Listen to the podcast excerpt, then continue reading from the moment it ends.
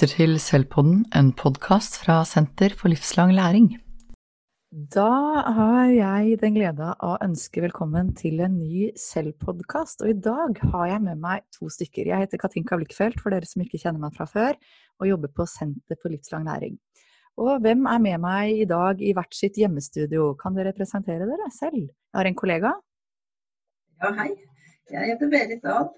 Eh, jeg er som sagt eh, kollega, eller som sagt, det er ikke riktig å si, men jeg er iallfall kollega med Katinka. Jeg jobber på Senter for livslang læring og har eh, god interesse for det temaet som vi skal snakke om i dag, standpunktvurdering. Yes, og Vanligvis er jo vi ute og møter skoler og skoleledere og skoleeiere fysisk hver eneste uke, flere ganger i uka. Eh, og den, det har jo endret seg litt nå, så nå møter vi folk på andre måter. Og i dag har vi møtt en skoleleder, Ole Kristian Haugan, på en digital lunsj som vi arrangerer for tredje gang i dag eh, for skoleledere. Kan ikke du si hvem du er, Ole Kristian? Jo, jeg er eh, Ole Kristian Haugan, som du sier, og er rektor på Marikollen ungdomsskole i Rælingen. Ja, så velkommen til deg. Og dagens tema det er standpunktvurdering, og det var også tema for den lunsjen vi arrangerte i dag. Og vi er, eh, vi er overrasket, vet jeg ikke, men vi har fått enorm respons på dette temaet. Det er andre gang vi arrangerer eh, digital lunsj åpent, eh, og i dag var det vel 120 påmeldte og 110 som deltok, tror jeg. Hvorfor tror du folk er så interessert i disse, dette temaet, Berit? Mm. Ja, det er ikke godt å si.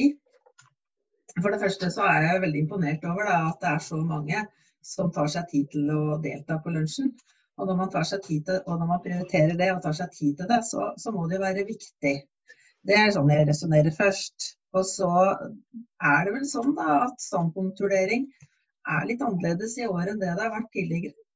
Um, fordi vi, har, vi vet jo egentlig ikke hvordan denne perioden framover mot sommeren er. Usikkerhet.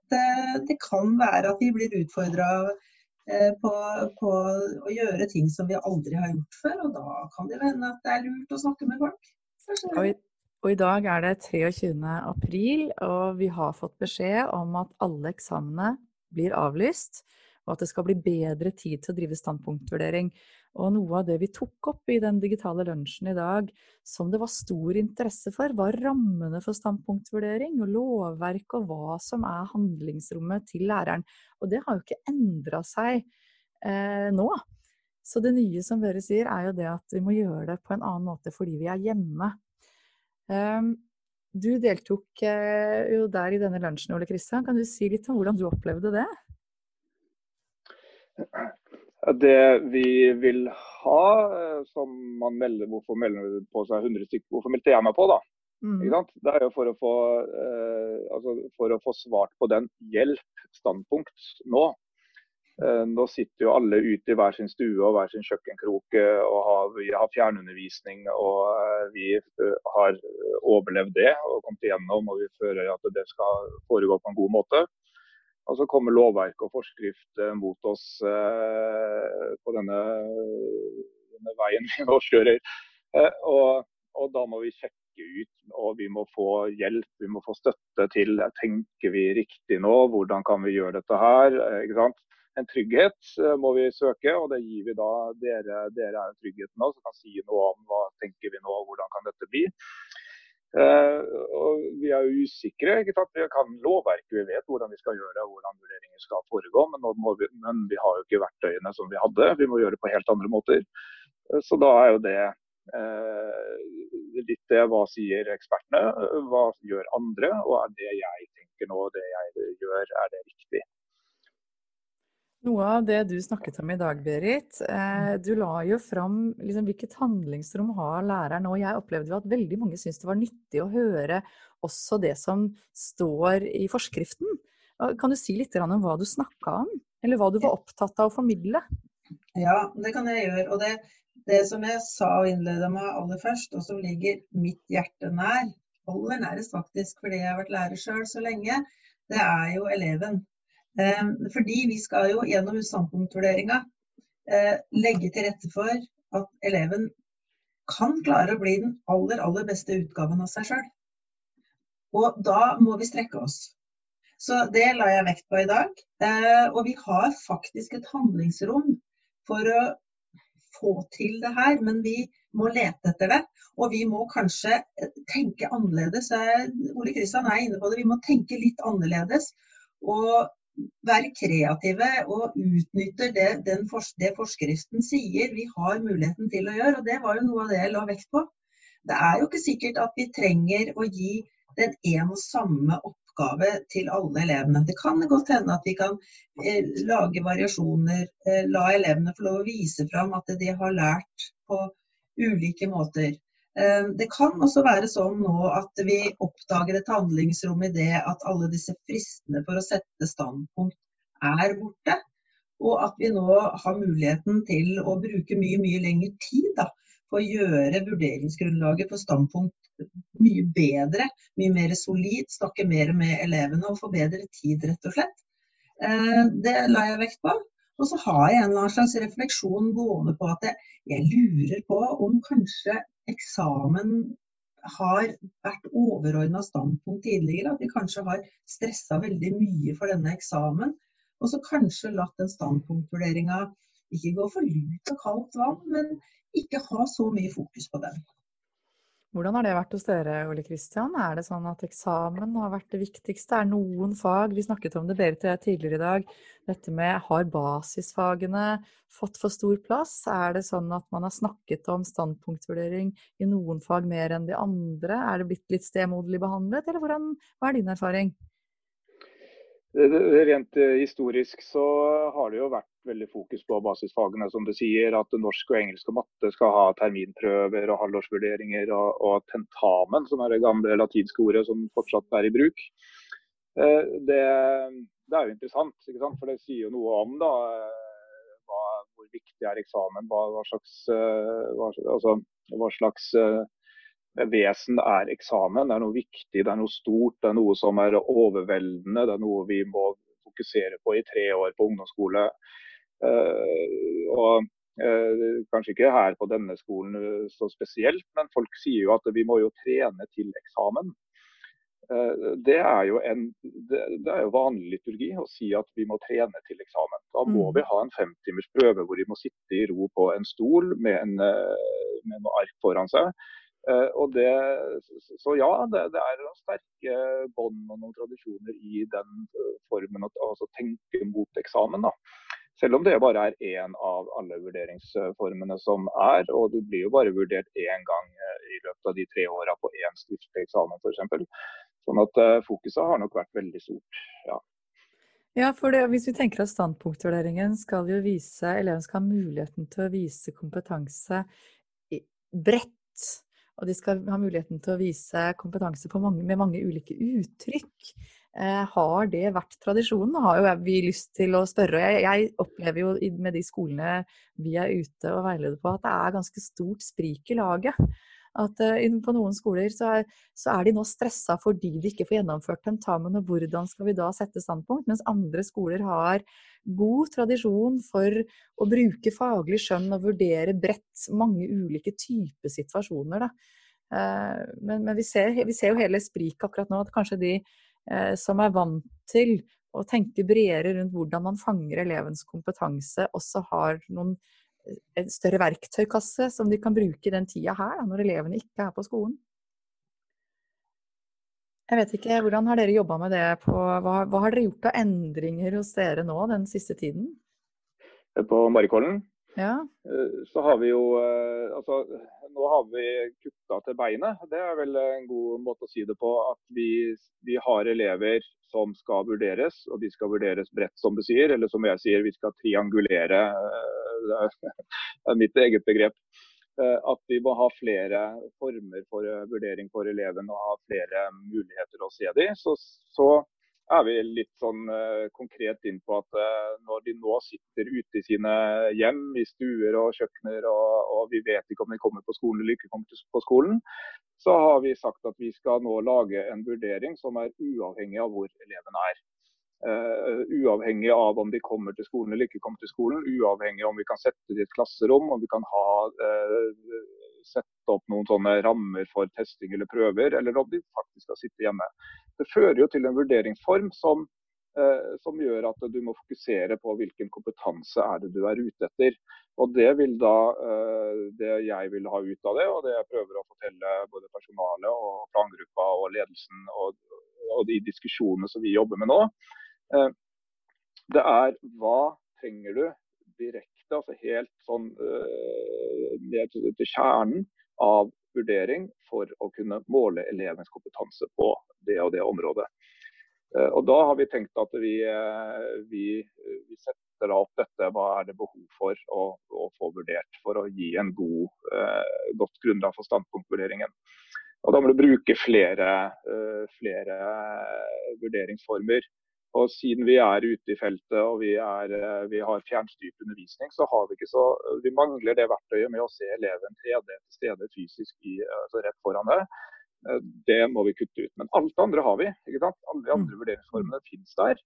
Og vi har tekster, vi har film, vi har video, vi har multimodale tekster, vi har eh, blogger, vi har fagsamtaler, vi har eh, Teams. Og, eh, og sånn at Vi har satt opp en litt sånn skjematisk, så sier vi at eh, eh, først så begynte jeg med at ok, hvis de leverer en tekst, da, mm. så kan de f.eks. lage en film hvor de prater om den teksten de har skrevet. For Da får du en liten sånn idé om at eh, eleven har denne ferdigheten eller ikke, denne kompetansen. Er den skrevet i veldig samarbeid med en far, f.eks.? Og da vil det kanskje komme litt uh, tydelig fram.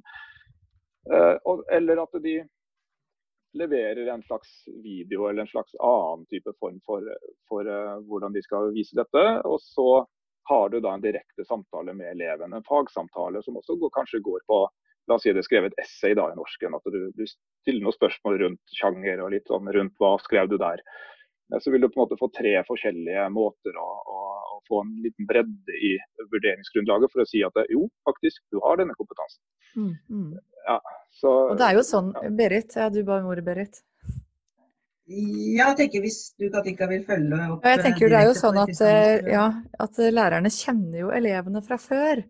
Så, og det er jo mange elever som jobber enda bedre enn det har gjort tidligere nå, og har en bratt læringskurve som utvikler seg enormt. Eh, mm. Hvor lærerne kan bli litt sånn Oi, er det virkelig du som har gjort dette? Og nettopp derfor så er det jo viktig å få tak i de tankene rundt det arbeidet de har gjort. Eh, men, men, det er jo også, jeg har møtt mange lærere som sier at vi kjenner elevene våre, så når det er noe vi reagerer på, eh, så får vi ta en prat da, og så sjekke ut det. Vi trenger ikke å kjøre alle gjennom en sånn mal som ser akkurat slik ut. Da må vi snakke med den eleven det gjelder. Eh, Berit? Jeg sitter og tenker når dere snakker nå om at jeg har skrevet her vurdering kan være vanskelig. Um, kanskje vanskeligere enn en god undervisning for noen. Fordi vi har jo et sånt uh, vesen som også kan kalles styggen på ryggen, da, som heter uh, klager. Man er redd for å få klager, ikke sant. Så man må gjøre alt man kan for å unngå det. Um, det er én ting som kan være litt sånn utfordrende, og man vil gjøre uh, de riktige tingene. ikke sant? Man vil gjøre alt riktig. Og så har du det der rollebyttet, og skal vi, vi skal ikke undervurdere det. da, fordi akkurat nå, når vi, eh, læreren går jo fra å være trener, som vi knytter opp med underveisvurderinga, til å være dommer. Og det og det rollebyttet der, det kan være vanskelig for læreren sjøl. Eh, det kan være vanskelig for eleven å catche, eller ta altså, Fra at du har en god eh, lærer til å bli kun en veileder. Mm. Så, så det, er, det, er liksom, det er ikke ukomplisert terreng vi går inn i. Og kanskje det òg er at vi i dag har vært med på å gå opp, ja, gjøre folk sikrere. Vi tok jo bl.a. opp hva er det vi kan ta med fra underveisvurderinga. Det har jo vært et tema. ikke sant? Eh, hva er det som teller? Eh, det brede vurderingsgrunnlaget. Og det var en av de tingene som jeg valgte å ta opp og snakke en del om i dag. Hva er det vi kan ta med fra underveisvurderinga? Og, og det òg er jo liksom Det er jo med inn i denne hele denne prosessen eh, som skal ende opp i en karakter som eh, læreren skal kunne stå for, er bærekraftig, og eleven skulle oppleve som rettferdig. Så det er, jo, det er jo et terreng som er litt utfordrende å gå i, og som er naturlig at de må både diskutere og ja, høre hva andre mener om, da. Ja, jeg liker veldig godt det uttrykket bærekraftig kompetanse, for det diskuterte jeg mye med lærerne da jeg var rektor. Det der med det du vet om eleven, som er mm. kompetanse du vet at de aldri kommer til å miste. Selv, hvor mange ganger trenger du å se den kompetansen? Hvor mange mm. ganger må du måle det? De kunne det i desember, de kunne det i januar, de har vist det på mange mulige måter. Da trenger ikke hun eller han å vise det en gang til, kanskje. Fordi du vet med deg selv at det er noe du, de aldri mister. Så det er jo det vi legger i det bærekraftig kompetanse. Da. At vi ikke trenger det samtidig. Hvis du har vist noe som er dårlig, og forbereder deg, så skal du, nei, forbedrer deg, så skal du ha mulighet til å vise forbedringen. Ole Kristian? Ja, for det er jo det vi nå gjør med fagseksjonene, er jo å si at hva har du nå? Hva har du vurdert? Hva, hva ligger til grunn for denne, hva vi trenger nå videre? ikke sant? Og da, mm.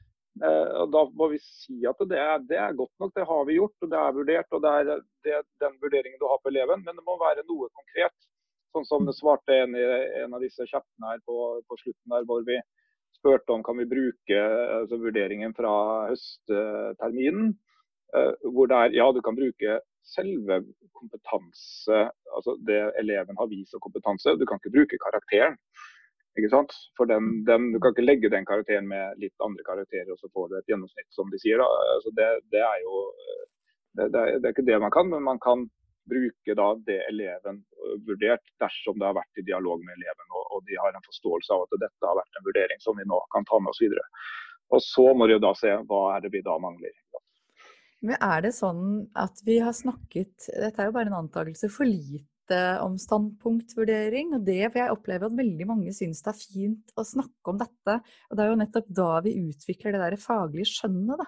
At man har behov for å diskutere hvorfor vurderer jeg som jeg gjør, hva legger jeg i kompetanse utenom disse tradisjonelle situasjonene som vi jo har snakket en del om. Jeg vet ikke. Berit?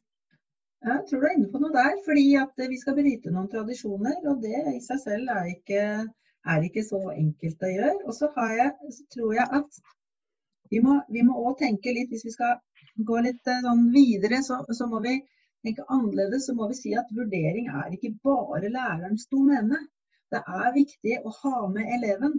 Det er viktig å ha eleven med inn og involvere eleven underveis. Snakke med eleven, være en god trener. Det tok jeg også opp i dag. Da.